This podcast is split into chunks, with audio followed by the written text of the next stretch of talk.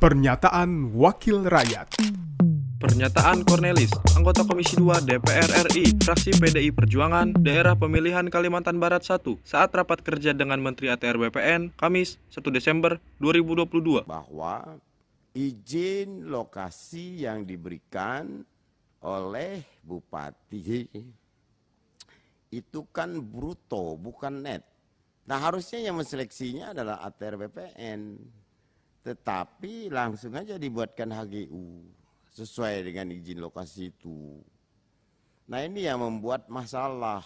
Harusnya diselidiki dulu atau di, di inklap mana yang masuk kampung, masuk kuburan. Karena dalam SK pencadangan lahan itu sudah dirinci apa yang boleh dan apa yang tidak boleh.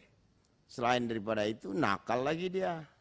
Dia tanam di luar izin yang sudah diberikan. Pernyataan Cornelis, anggota Komisi 2 DPR RI, fraksi PDI Perjuangan, daerah pemilihan Kalimantan Barat 1, saat rapat kerja dengan Menteri ATR BPN, Kamis 1 Desember 2022. Pernyataan Produksi TV dan Radio. Parlemen, Biro Pemberitaan Parlemen, Setjen DPR RI.